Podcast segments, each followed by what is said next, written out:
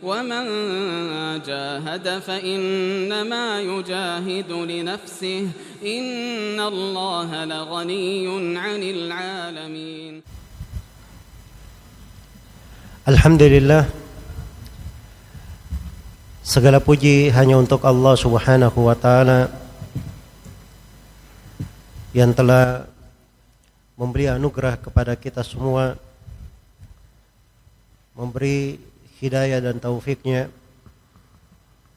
untuk hadir di majelis ini di pertemuan yang baik ini. Semoga Allah Subhanahu wa taala melipat gandakan kebaikan dan pahala untuk semuanya dan menjadikan majelis-majelis ilmu seperti ini sebagai sebab keistiqomahan hati kelurusan jalan di atas Islam dan sunnah Rasulullah sallallahu alaihi wasallam dan semoga Allah Subhanahu wa taala mengampuni segala dosa dan kesalahan kita serta selalu membimbing kita semua kepada hal yang dia cintai dan dia ridhai. Kaum muslimin dan muslimat rahimani wa rahimakumullah. Hati adalah salah satu anugerah dan nikmat yang Allah Subhanahu wa taala berikan untuk seorang hamba. Dan hati itu sebagaimana umumnya nikmat-nikmat yang lain adalah sebuah nikmat yang akan dipertanyakan. Allah Subhanahu wa taala berfirman, "Huwallazi akhrajakum min butuni ummahatikum la ta'lamuna syai'a wa ja'ala lakum as-sam'a wal absara wal af'ida la'allakum tashkurun." Dialah Allah Subhanahu wa taala yang mengeluarkan kalian semua dari perut ibu-ibu kalian dalam kondisi kalian tidak mengetahui sesuatu apa pun. Kemudian Allah menjadikan untuk kalian pendengaran, penglihatan dan hati-hati supaya kalian bersyukur kepada Allah Subhanahu wa taala. Maka kesyukuran itu adalah sebuah kewajiban atas setiap muslim dan muslimah. Apalagi pada hati ini terdapat di dalamnya berbagai kebaikan dan berbagai nikmat Allah Subhanahu wa taala untuk seorang hamba. Di dalam hadis yang diriwayatkan oleh Al-Bukhari dan Muslim Rasulullah sallallahu alaihi wasallam bersabda ala inna fil jasadi mudghah idza saluhat salaha idza salahat salaha al jasadu kullu wa idza fasadat fasada al jasadu kullu ala wa hiya al qalb ketahuilah bahwa pada jasad itu ada segumpal daging. Ya apabila daging ini baik baik pula seluruh jasad. Apabila daging ini rusak maka rusak pula seluruh jasad. Ketahuilah bahwa segumpal daging ini adalah hati. Itulah hati tempat untuk kita menampung segala hal yang kita lihat, kita dengarkan, atau apa yang bisa diserap. Maka hati itu adalah penampungnya. Dan hati inilah yang menjadi letak pandangan Allah Subhanahu wa taala pada seorang hamba. Diriwayatkan oleh Imam Muslim dari Abu Hurairah radhiyallahu taala anhu Rasulullah sallallahu alaihi wasallam bersabda Inna Allah la yanzuru ila suwarikum ولا إلى أجسادكم ولكن ينظر إلى قلوبكم وأعمالكم Sungguhnya Allah Subhanahu wa taala tidak melihat kepada rupa-rupa kalian.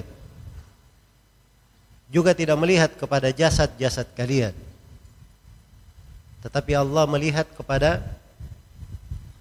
hati-hati dan amalan kalian.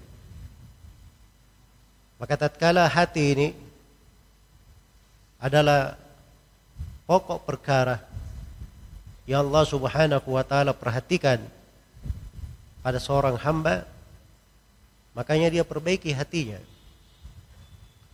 Dia perbaiki dari hatinya. Dan hendaknya dia pahami. Dia memiliki fikih terkait dengan amalan-amalan hati sekadar pemahaman itu maka sekadar itu pula kemanfaatan dia di dalam memperoleh kebaikan untuk hatinya dan menghindarkan hatinya dari sebab-sebab yang bisa merusaknya dan bisa melemahkannya bahkan bisa membuatnya jauh dari Allah Subhanahu wa taala. Iya. Maka memperhatikan kondisi hati ini dan amalan-amalannya adalah perkara yang sangat penting. Bahkan Allah Subhanahu wa taala menjelaskannya dengan sebuah bahasa yang harusnya membuat kita itu khawatir. Allah berfirman, "Ya ayyuhalladzina amanu istajibu lillahi walir rasul idza da'akum lima yuhyikum." Wa'lamu anna Allah yahulu bainal mar'i wa qalbi. Wa'lamu annahu ilaihi tuhsyarun. Wahai orang-orang yang beriman, jawablah Allah dan jawablah Rasulnya. Kalau Allah memanggil kalian kepada hal yang menghidupkan kalian. Agama ini segala seruan Allah Subhanahu wa taala di dalam Al-Qur'an maupun ajakan Rasulullah sallallahu alaihi wasallam di dalam agama dan syariatnya semuanya adalah kehidupan untuk seorang hamba. Itu yang menghidupkannya. Termasuk menghidupkan hatinya. Bahkan Allah ingatkan, ketahuilah bahwa dialah Allah yang memisahkan antara seseorang dengan hatinya. Kenapa disinggung? Perintah segera istijabah dan diingatkan jangan sampai seorang itu dipisahkan dari hatinya. Karena nikmat itu begitu datang harusnya segera kita sambut. Ketika seorang itu diberi oleh Allah Subhanahu wa taala berbagai kemuliaan di dalam beragama, bentuk-bentuk dari syariat yang terus berjalan di dalam kehidupannya, sebagai kewajibannya maupun yang lainnya. Maka itu anugerah segera dia sambut. Jangan dia lambat. Bahkan seorang sahabat ada yang pernah sholat, sholat sunnah, lalu dipanggil oleh Nabi. Tapi sahabat ini melanjutkan sholatnya. Setelah selesai sholat, Nabi berkata kepadanya, kenapa kamu saya panggil? Dan kamu tidak langsung datang menjawab. Bukan kalau bukankah Allah berfirman kemudian beliau bacakan ayat yang saya bacakan tadi. Ya ayyuhalladzina amanu istajibu lillahi walir rasul idza da'akum lima yuhyikum. Wahai orang-orang yang beriman, jawablah Allah dan jawablah Rasulnya. Kalau kalian dipanggil pada hal yang menghidupkan kalian. Maka begitu seruan itu datang, harus segera mengena ke hati nampak kehidupan di hati itu dengan bentuk istijabah, kesegeraan, kecintaan.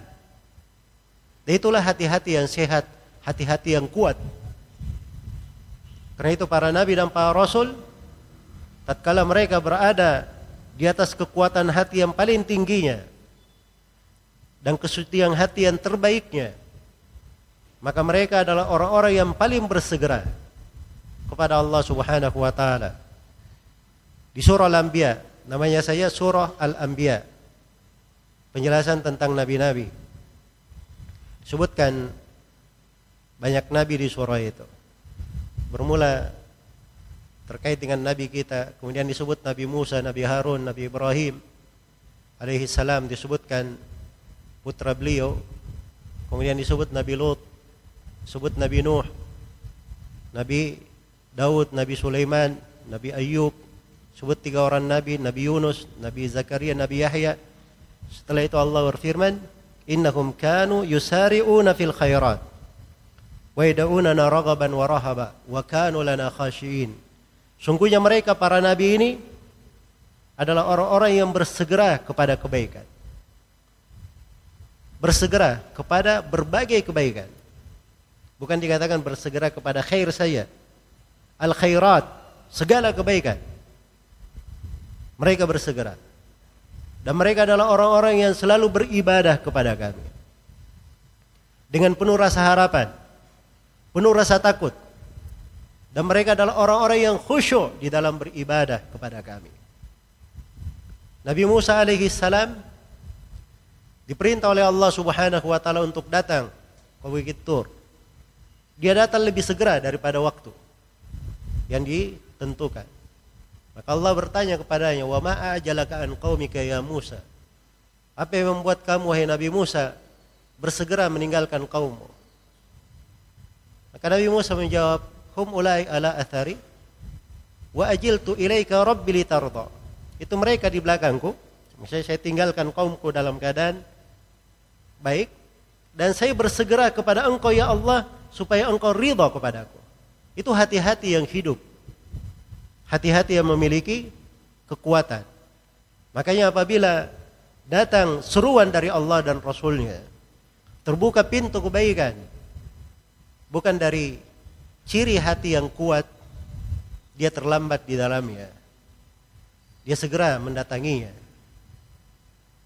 Bersegera kepadanya, apalagi terkait dengan kewajiban-kewajiban dalam memurnikan ibadah kepada Allah Subhanahu wa taala di dalam mentauhidkannya di dalam lakukan sholat lima waktu di dalam berpuasa di bulan Ramadan menunaikan kewajiban-kewajibannya pada hartanya melakukan ibadah haji sesegera mungkin berbakti kepada orang tuanya menyambung silaturahminya hal-hal yang wajib maupun hal-hal yang disunnahkan dia bersegera di dalamnya maka itu adalah ciri kehidupan. Karena itu diingatkan wa alamu anna Allah yahulu bainal mar'i wa qalbi. Ketahuilah bahwa Allah Subhanahu wa taala yang memisahkan antara seseorang dengan hatinya. Iya. Ini ada bentuk peringatan, ancaman. Hati-hati. Allah Subhanahu wa taala bisa memisahkan seorang itu dari hatinya. Sehingga dia tidak bisa memahami. Tapi yang harus dipahami dan yang harus diterima dan diketahui bahwa kalian semua akan dikumpulkan kepada Allah Subhanahu wa taala. Akan kembali kepada Allah Subhanahu wa taala. Iya. Maka keberadaan hati ini sangat penting sekali untuk diperbaiki untuk diperhatikan. Sesuatu gejala di dalam hati itu kadang membuat sejumlah dari sahabat, banyak dari orang-orang salih segera untuk memperhatikannya, menata dari hatinya, menata dan memperbaiki dari hatinya. Karena itu di antara doa yang diajarkan oleh Nabi Sallallahu Alaihi Wasallam dalam hadis Zaid bin Arqam yang diriwayatkan oleh Imam Muslim, Rasulullah sallallahu alaihi wasallam mengajarkan untuk berlindung dari empat perkara. Berlindung dari empat perkara.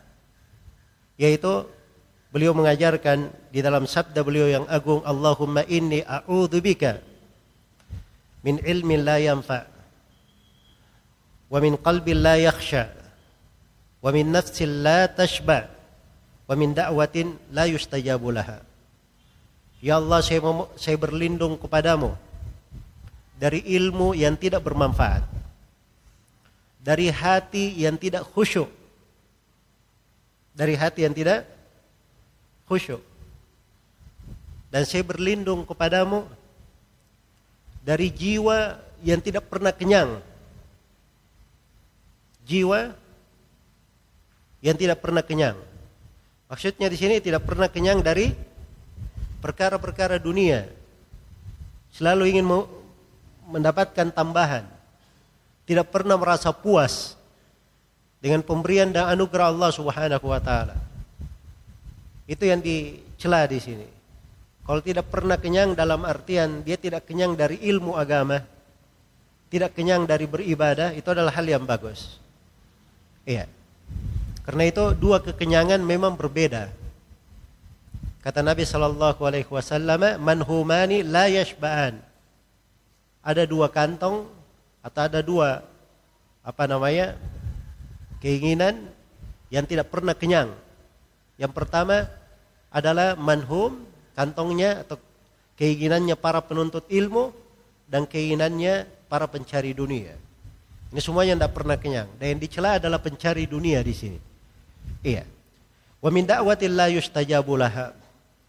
Dan yang keempat, ya Allah saya berlindung kepadamu dari doa yang tidak dikabulkan. Berdoa tetapi tidak dikabulkan oleh Allah Subhanahu wa taala. Cuman pengabulan doa itu kadang banyak orang yang keliru di dalam memahaminya. Dipikirnya pengabulan doa itu mesti apa yang diminta diberi untuknya. Itu belum tentu. Karena seorang yang berdoa kepada Allah, kadang dia meminta, permintaannya bagus, Allah beri untuknya apa yang dia minta. Kadang dia meminta, Allah tahu bahwa selain daripada itu lebih bagus untuknya. Maka Allah beri perminta hal yang lain untuknya, bukan yang dia minta. Diberikan baginya. Dan kadang dia meminta sesuatu, Allah pilihkan hal tersebut untuk kebaikannya di kehidupan akhirat disimpan untuknya di akhirat tidak diberi di dunia. Iya. Maka kita bermohon kepada Allah Subhanahu wa taala supaya tidak diberi atau dilindungi dari doa yang tidak dikabulkan. Maka ini empat perkara. Rasulullah Shallallahu alaihi wasallam mengajarkannya dan Rasulullah Shallallahu alaihi wasallam berlindung darinya. Allahumma inni a'udzubika min ilmin la yanfa' Ya Allah, saya berlindung kepadamu dari ilmu yang tidak bermanfaat. Kemudian yang kedua, wa min qalbi la yakhsha dan dari hati yang tidak khusyuk. Hati yang tidak khusyuk. Ini dikhususkan perlindungan. Karena ini adalah hal yang berbahaya. Apabila hati tersebut jauh dari kehusyukan. Karena itu terhadap para sahabat Rasulullah sallallahu alaihi wasallam turun firman Allah Subhanahu wa taala. Alam ya'ni lil ladzina amanu an takhsha qulubuhum li wa ma nazala minal haqq. Tidakkah sudah masanya bukankah sudah waktunya bagi orang yang beriman agar supaya hati-hati mereka itu khusyuk kepada Allah dan tunduk kepada kebenaran yang turun. Kata Ibnu Mas'ud, baru empat tahun dari keislaman kami, ayat ini sudah turun menegur kami. Ayat ini sudah turun menegur kami. Jadi subhanallah itu pendidikan terhadap para sahabat. Rasulullah sallallahu alaihi wasallam, orang-orang yang paling baik hatinya. Orang-orang yang paling baik hatinya. Iya. Maka harusnya kita memikirkan bagaimana kondisi hati kita. Jangan diremehkan. Jangan dianggap sebagai sebuah hal yang biasa. Tapi dia memiliki keseriusan.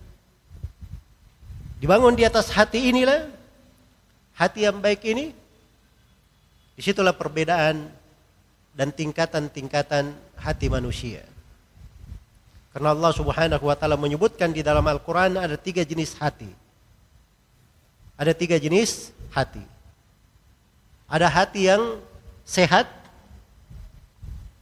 hati yang sehat. Yang kedua, ada hati yang mati. Ada hati yang mati.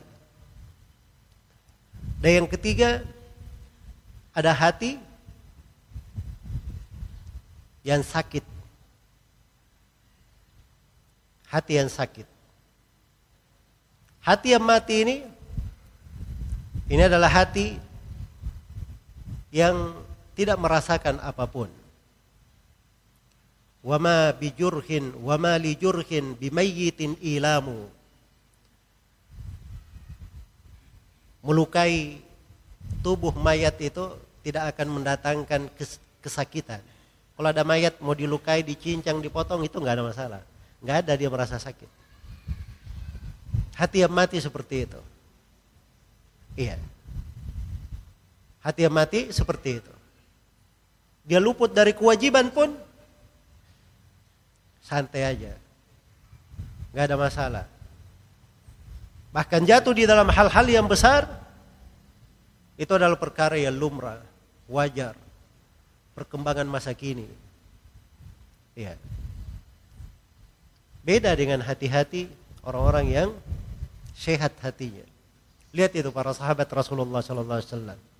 Anas bin Malik radhiyallahu taala anhu berkata, "Innakum lata'maluna a'malan hiya fi a'yunikum adakku minasy-sya'r wa in kunna lana'udduha ala ahdi Rasulillah sallallahu alaihi wasallam minal mubiqat." Kata Anas bin Malik radhiyallahu taala anhu, dan ini hadisnya di Sahih Al-Bukhari, sungguhnya kalian melakukan amalan-amalan Amalan-amalan itu di mata kalian seperti rambut. Biasa. Kalau bahasa Ibnu Mas'ud, kaum munafikin menganggapnya seperti lalat berlalu. Iya. Kalau kami kata Anas bin Malik di masa Nabi Shallallahu Alaihi Wasallam menghitung amalan-amalan tersebut adalah perkara yang menghancurkan. Kalau bahasa Ibnu Mas'ud kami menghitungnya seperti gunung yang akan menimpa kami. Itu perbedaan kehidupan hati. Hati-hati yang hidup seperti Umar bin Al-Khattab radhiyallahu taala anhu. Beliau pernah terlambat sholat asar. Luput. Tidak berjamaah. Ini bukan tidak sholat ya. Luput tidak berjamaah. Terlambat. Untuk keterlambatannya beliau sedekahkan tanahnya karena sedihnya dia terlambat. Iya. Kalau kita Masya Allah ya. Iya. Malah mungkin baru ada yang tahu, oh terlambat rupanya masalah ya. Nah, ini dari hal yang harusnya kita memperbaiki. Itu kelemahan pada hati. Itu berbahaya untuk seorang muslim dan muslimah. Karena itu Rasulullah Shallallahu Alaihi Wasallam mengingatkan agar supaya kita selalu memperhatikan bagaimana kondisi hati tersebut. Iya. Kemudian perlu saya ingatkan di sini bahwa kekuatan seorang muslim hatinya itu antara dua hal. Kalau dia adalah seorang muslim yang beriman, maka hatinya itu antara dua. Antara hati yang sehat atau hati yang sakit. Hati yang sakit. Adapun hati yang mati, seorang muslim tidak masuk di dalam hati yang mati ini. Iya. Tapi kalau hatinya benar-benar mati, maka ini akan membawanya ke dalam perkara yang membinasakannya. Karena itulah siapa yang masuk ke dalam tuntunan dengan benar, masuk di dalam syariat sebagaimana jalan yang dituntunkan oleh Rasulullah sallallahu alaihi wasallam, maka dia akan menemukan pada hatinya itu berbagai perkara. Berbagai kebaikan. Di antara kebaikan itu yang pertama dia akan menemukan kehidupan dalam hatinya. Kehidupan di dalam hatinya. Karena Allah Subhanahu wa taala berfirman, "Awaman kana maitan, awaman kana maitan, fa ahyaynahu wa ja'alna lahu nuran yamshi bihi fin nas kaman mathaluhu fi dhulumati laysa bi kharijin minha." Apakah orang yang tadinya dia mayat lalu kami hidupkan dia dan kami berikan untuknya cahaya dia berjalan dengannya? Apakah sama golongan yang seperti ini dengan orang yang tetap mayat dalam kegelapan tidak mau keluar darinya. Ini ayat subhanallah ya, bicaranya cuma mayat saya. Satu mayat dihidupkan. Diberi cahaya berjalan. Satu lagi mayat dalam kegelapan tidak mau keluar darinya. Iya. Ini bahasa Al-Quran ya, membahasakan hakikat kehidupan. Bahwa manusia yang berjalan ini hakikatnya terbagi dua. Ada yang mayat mati sebenarnya. Dia berjalan beraktivitas. Hukum syariat dia mayat. Sudah mati. Iya. Sudah mati belum dikubur tapi sudah mati. Ada jenis yang kedua, dia yang hidup dengan kehidupan yang sebenarnya. Adalah orang yang dihidupkan dengan ilmu agama, dengan keimanan, dengan syariat. Maka dia hidup dengan kehidupan yang sebenarnya. Diberi cahaya oleh Allah dia berjalan dengan cahaya tersebut. Ini kekuatan bagi hati. Tapi kalau dia berpaling dari keimanan dan ilmu agama, golongan yang kedua, mayat di dalam kegelapan tidak mau keluar dari. Kemudian yang kedua, barang siapa yang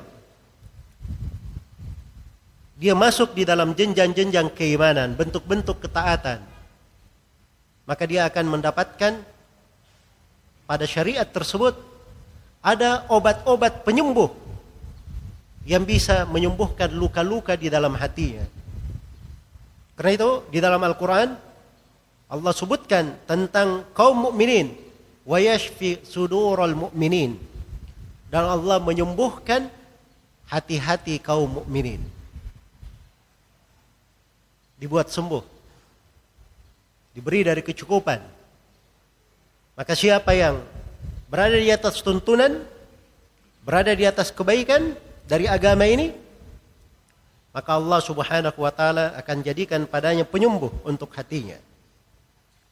Demikian pula yang ketiga, dia akan diberi kesucian. Kadang hatinya kena ujian, kena cobaan. Tapi ujian dan cobaan ini adalah untuk mensucikan hati-hati mereka. Ulaika alladziina imtahana Allahu qulubahum littaqwa. Mereka inilah orang-orang yang Allah sucikan hati-hati mereka supaya bertakwa. Lahum magfiratun wa ajrun azim. Untuk mereka pengampunan dan pahala yang besar. Kemudian yang keempat,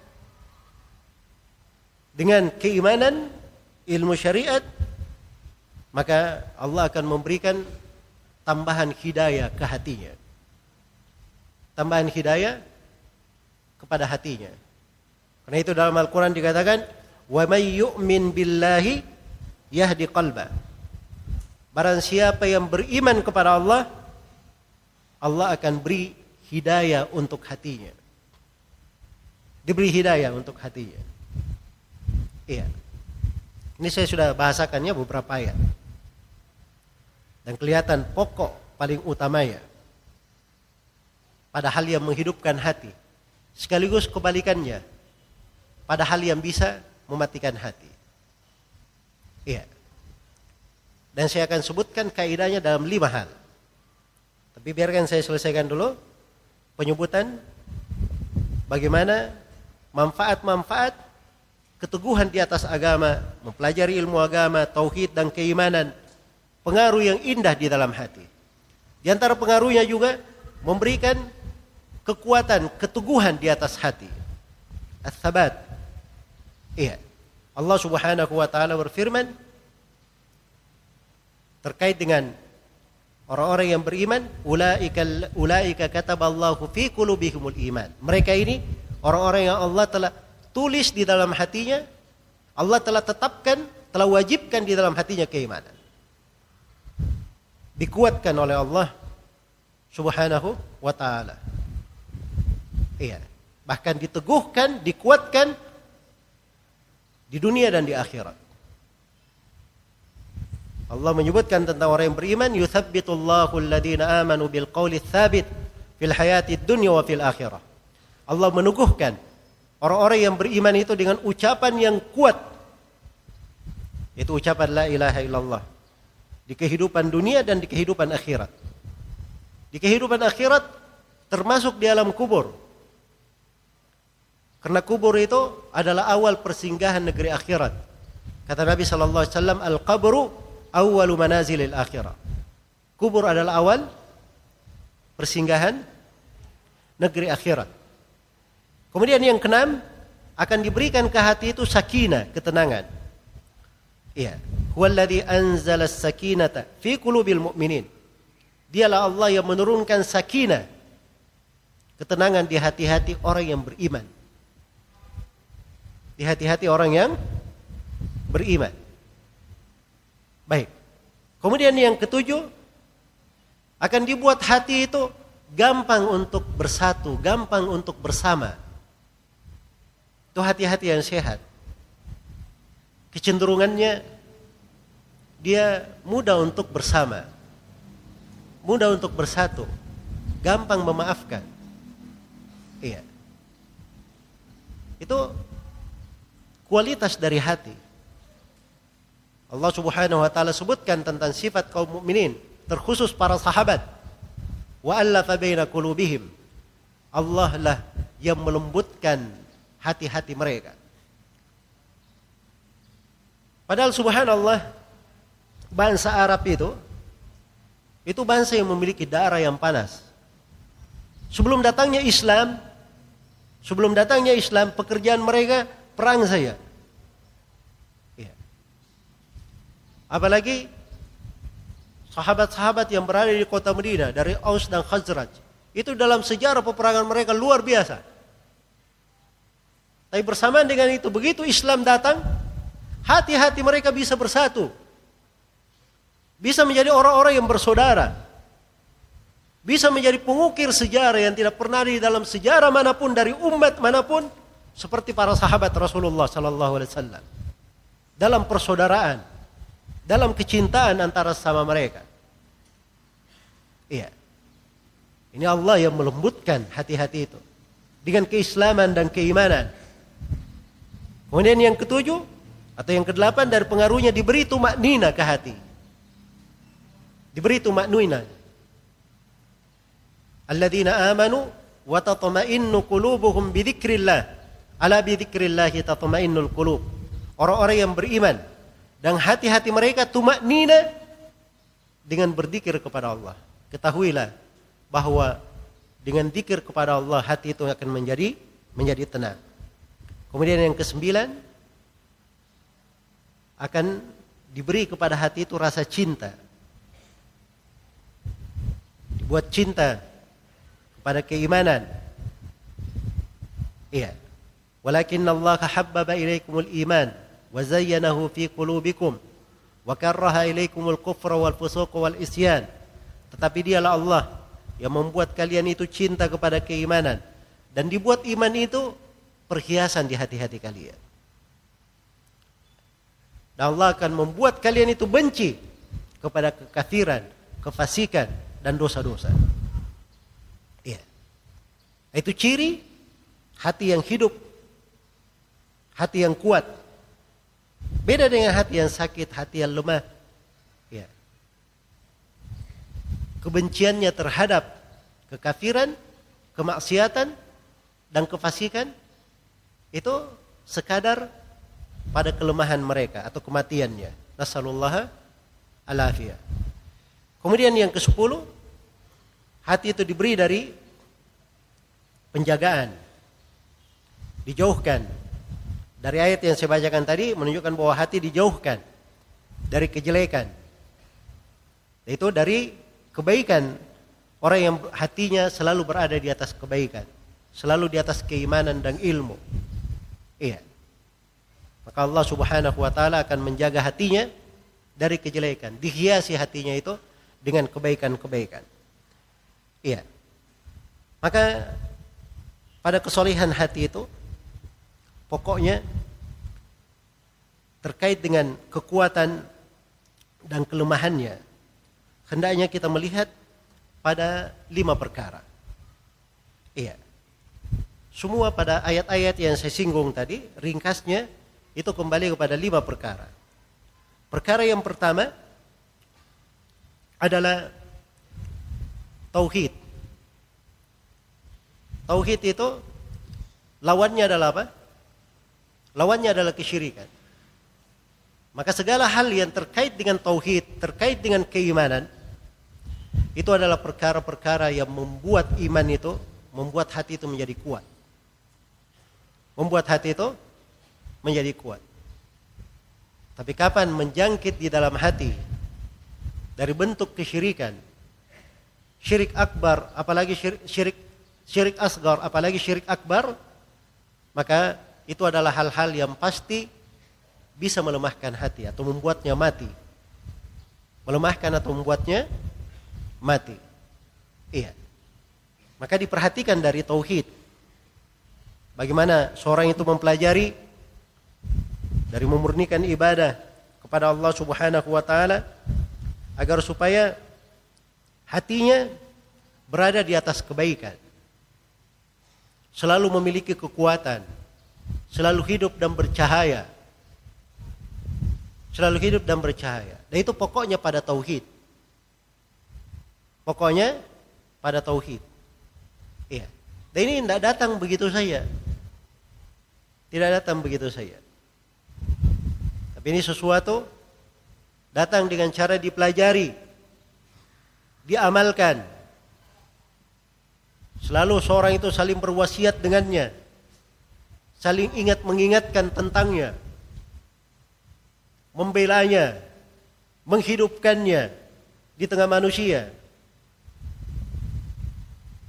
Siapa yang masuk di dalam pembahasan-pembahasan tauhid ini, maka dia akan melihat berbagai kekuatan hati dan kehidupan hati di dalamnya. Tapi kalau dia sudah masuk di dalam kegelapan kesyirikan, jatuh pada hal-hal yang terkait dengan kesyirikan, itu adalah sebab pokok yang membuat hatinya menyimpang. Dari sebab pokok yang membuat hatinya menyimpang. Kemudian yang kedua, antara kekuatan dan kelemahan, kekuatan hati itu dengan berpegang kepada sunnah.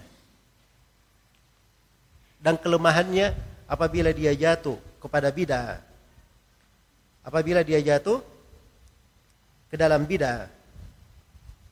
Iya. Maka ini dari pokok perkara yang membedakan antara hati yang kuat dan hati yang lemah.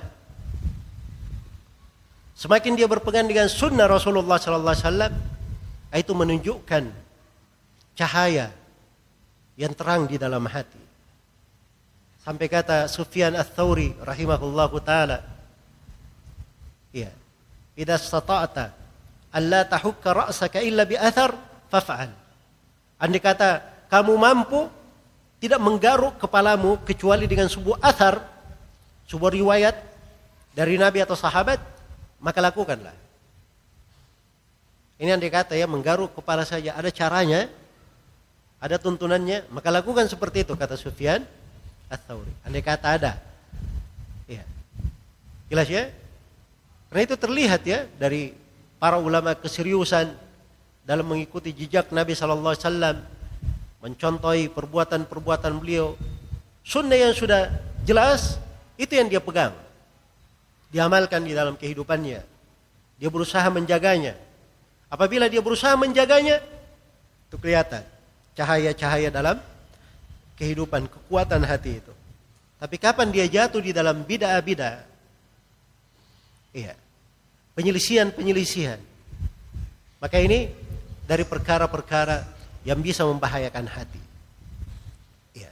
Dari perkara yang bisa membahayakan hati. Karena itu dalam hadis diriwayatkan oleh Imam Muslim dari Hudzaifah ibn Yaman, Rasulullah sallallahu alaihi wasallam bersabda, "Tu'radul fitan 'alal qulub ka'ardil hasiri udan uda." Sungguhnya fitnah-fitnah itu dihadapkan kepada hati seperti tikar. Ya. Dihadapkan kepada tikar satu persatu.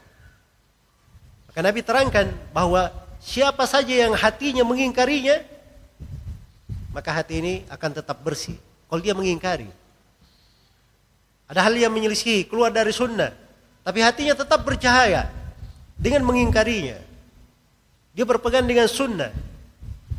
Maka ini akan membuat hati itu menjadi kuat membuat hati itu bercahaya.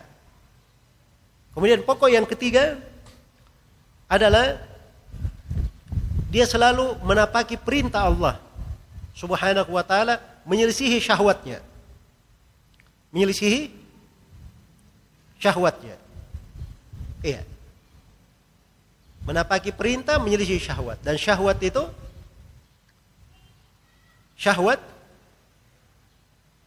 itu artinya dia mengikuti ajakan-ajakan syaitan di dalam menjauhi perintah-perintah Allah Subhanahu wa taala. Maka kapan seorang hamba semakin kuat di atas perintah, tadi dibahas ayat istijabah terhadap Allah dan Rasulnya. Maka ini dari hal yang membuat hati itu hidup. Hatinya kuat. Tetapi kapan dia memperturutkan syahwatnya? Iya. Memperturutkan syahwatnya, maka inilah hati yang cocoknya berada di dalam neraka waliyadzubillah.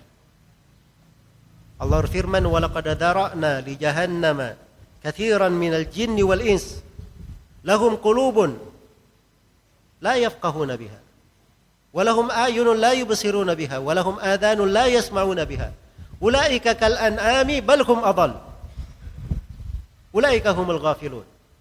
Sungguh kami telah penuhi neraka jahanam. Banyak dari jin dan manusia. Mereka punya hati. Tidak dipakai memahami. Punya mata tidak dipakai melihat. Punya telinga tidak dipakai mendengar. Mereka ini seperti hewan-hewan ternak. Ini dalam memperturutkan syahwat. Dalam menyelisihi perintah. Balhum adal bahkan lebih tersesat daripada hewan ternak. Ya. Mereka inilah orang-orang yang lalai. Maka perlu keseriusan di atas perkara. Dan itulah yang menguatkan terhadap nabinya Nabi Muhammad sallallahu alaihi wasallam. Allah berfirman, "Walaula an thabbatnaka laqad kitta tarkanu ilaihim syai'an qalila." Idzan la adaqnaka dhi'fal hayati wa dhi'fal mamat. Thumma la tajidu laka alaina nasira. Andai kata kami tidak meneguhkan engkau Nabi Muhammad. Ini Rasulullah ini Allah berbicara kepada Rasulnya. Andai kata kami tidak kuatkan engkau Nabi Muhammad. Kamu sudah condong kepada mereka mengambil sesuatu yang hina. Itu kekuatan di atas perkara. Dia selisih syahwatnya. Iya. Jadi dunia itu menjadi hina baginya. Andai kata Allah tidak kuatkan nabinya, maka nabi sudah condong kepada hal yang apa? Hal yang hina. Kalau kamu condong kepada kehinaan itu, maka kami akan membuat engkau merasakan kelemahan hidup dan kelemahan mati. Kemudian kami Kemudian engkau tidak akan menemukan ada seorang penolong pun di sisi terhadapmu. Maka ini hal yang hendaknya diperhatikan dengan baik. Bagaimana Islam itu siapa yang berpegang dengannya, teguh di atas perintah, maka itu akan membuat hatinya menjadi hati yang baik. Iya. Dengan berbagai manfaat yang telah kita sebutkan tadi. Tapi kapan dia keluar darinya? Inilah hal-hal yang membuat hati itu lemah. Membuat hati itu lemah. Iya. Kemudian yang keempat dari pokok yang harusnya dipertimbangkan dalam menilai hati yang kuat dan hati yang lemah adalah terkait dengan masalah dikir dan kelalaian. Orang yang banyak berdikir, maka itulah hatinya yang hidup. Siapa yang banyak lalai, maka ini yang menyebabkan hatinya menjadi hati hati yang lemah. Iya. Menjadi hati yang lemah. Dan dikir itu banyak bentuknya. Alladzina amanu wa tatmainnu qulubuhum bi dzikrillah. Orang yang beriman dan hatinya itu tenang dengan dikir kepada Allah. Dikir kepada Allah itu majelis ilmu seperti ini itu dikir. Membaca Al-Quran itu dikir. Iya. Membaca wirid-wirid, bacaan-bacaan subhanallah walhamdulillah wala ilaha illallah wallahu akbar dan seterusnya itu juga kalimat-kalimat dikir. Dan dikir ini adalah perkara yang penting di dalam hidup. Dan itu dari pokok yang membuat hati itu menjadi baik.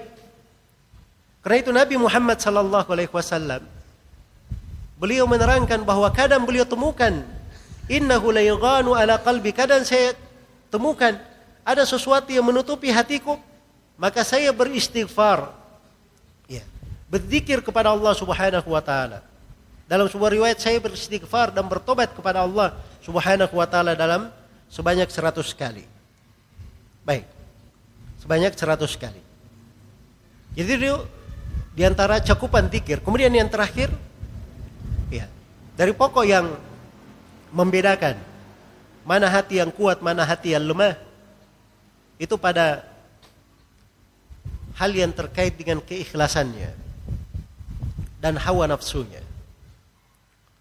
Iya. Kapan dia memiliki keikhlasan yang meruntuhkan berbagai kehendak hawa nafsu, maka ini dari perkara yang menghidupkan hatinya. Dari perkara yang menghidupkan hati. Kapan dia memperturutkan hawa nafsunya? Memperturutkan kehendak dirinya. Maka ini dari perkara yang bisa membawa kelemahan untuknya. Maka ini gambaran-gambaran bagaimana seseorang itu di dalam melihat hatinya, di dalam menatanya, dan di dalam memperhatikan kondisi hati tersebut. Dan di akhir majelis ini, karena waktunya sudah uh, berlalu dua menit, ya, kembali saya ingatkan dari pokok-pokok perkara yang membuat hati seorang hamba itu istiqamah di atas jalan. Hal yang pertama yang membuat hati itu istiqamah adalah keimanan dan tauhid. Keimanan dan tauhid. Kemudian yang kedua, dari hal yang menguatkan hati membuatnya istiqamah adalah dia mempelajari ilmu syariat. Mempelajari ilmu agama. Kemudian yang ketiga, dari hal yang membuat hati itu istiqamah, dia mempelajari dari asmaul husna dan sifat-sifat Allah subhanahu wa ta'ala. Dan ini perlu fikih tersendiri dalam memahaminya. Karena memahami asmaul husna ini dalam menghidupkan hati terdapat di dalamnya berbagai keajaiban. Hal-hal yang sangat menakjubkan dan perkara yang sangat besar. Ya, karena itu perlu fikih, memahami nama-nama Allah Subhanahu wa taala, kandungan dari nama itu dan mengenal sifat-sifat Allah dan kebesarannya. Kemudian yang keempat, hendaknya dia banyak tadabbur terhadap Al-Qur'an, bukan sekedar membacanya. Tapi dia baca, dia tadabbur terhadap Al-Qur'an dan dia amalkan Al-Quran itu di dalam kehidupannya. Di dalam kehidupannya. Dan ini dari perkara yang membuat hati itu istiqamah. Kemudian yang kelima, dia menapaki dirinya atau membuat dirinya selalu menjalankan apa yang diperintah oleh Allah. Segala amalan salih berusaha untuk dia laksanakan. Dan dia tinggalkan segala yang dilarang oleh Allah subhanahu wa ta'ala. Kemudian yang keenam, hendaknya dia banyak berzikir kepada Allah Subhanahu wa taala agar hati itu selalu hidup. Hati itu lepas dari kelemahan-kelemahan. Iya. Kemudian yang ketujuh, dan ini dari hal yang menakjubkan. Dari hal yang menakjubkan. Kata Ibnul Qayyim, tidak bisa dilukiskan dengan kata-kata. Bagaimana ketundukan seorang hamba menghinakan dirinya di depan Allah Subhanahu wa taala pada segala perkara. Sehingga dia terlepas dari syahwat maupun dari hawa nafsunya. Dan ini dari perkara-perkara yang bisa membuat hati itu menjadi baik dan selalu bersinar. Semoga Allah Subhanahu wa taala menganugerahkan kepada kita semua hati yang lurus. Dan saya bermohon kepadanya sebagaimana Nabi sallallahu alaihi wasallam di dalam hadis yang diriwayatkan oleh Ibnu Majah dari Ibnu Umar radhiyallahu anhu beliau berkata qallama jalasa Rasulullah sallallahu alaihi wasallam fi majlisin illa da'a bi haula'i sangatlah jarang Nabi sallallahu alaihi wasallam duduk di sebuah majlis kecuali beliau berdoa dengan doa-doa tersebut. Dan di dalam doa ini terdapat perkara-perkara yang bisa menguatkan hati Ya, karena itu Nabi Shallallahu Alaihi Wasallam selalu membacanya. Dan saya akan tutup majelis ini dengan doa yang agung ini, di mana Rasulullah Shallallahu Alaihi Wasallam mengajarkan, Allahumma inna nas'aluka min khasyatika ma tahulu bainana wa baina ma'asik. Ya Allah, sungguhnya kami memohon kepadamu dari rasa takut yang membuat kami dipisahkan dari antara kami dan dosa-dosa kami. Wa min ta'atika ma tuballighu bihi jannatak, ma tuballighuna bihi jannatak. Ya Allah, kami memohon kepadamu dari ketaatan yang dengannya bisa mengantar kami kepada surgamu. Wa minal yakini ma tuhawwinu bihi alaina masaibat dunya. Ya Allah kami mohon kepadamu dari keyakinan di dalam hati yang dengannya bisa meringankan berbagai musibah dunia. Allahumma inna nas'aluka uh, من خشيتك ما تحول بيننا وبين معاصيك ومن طاعتك ما تبلغنا به جنتك ومن اليقين ما تهون به علينا مصائب الدنيا ومتعنا اللهم بأسمائنا وقواتنا وأبصارنا ما أحييتنا واجعله الوارث منا واجعل ثأرنا على من ظلمنا وانصرنا على من آدانا ولا تجعل الدنيا أكبر همنا ولا تجعل مصيبتنا في ديننا ولا تجعل الدنيا أكبر همنا ولا تسلط علينا من لا يرحمنا برحمتك يا أرحم الراحمين.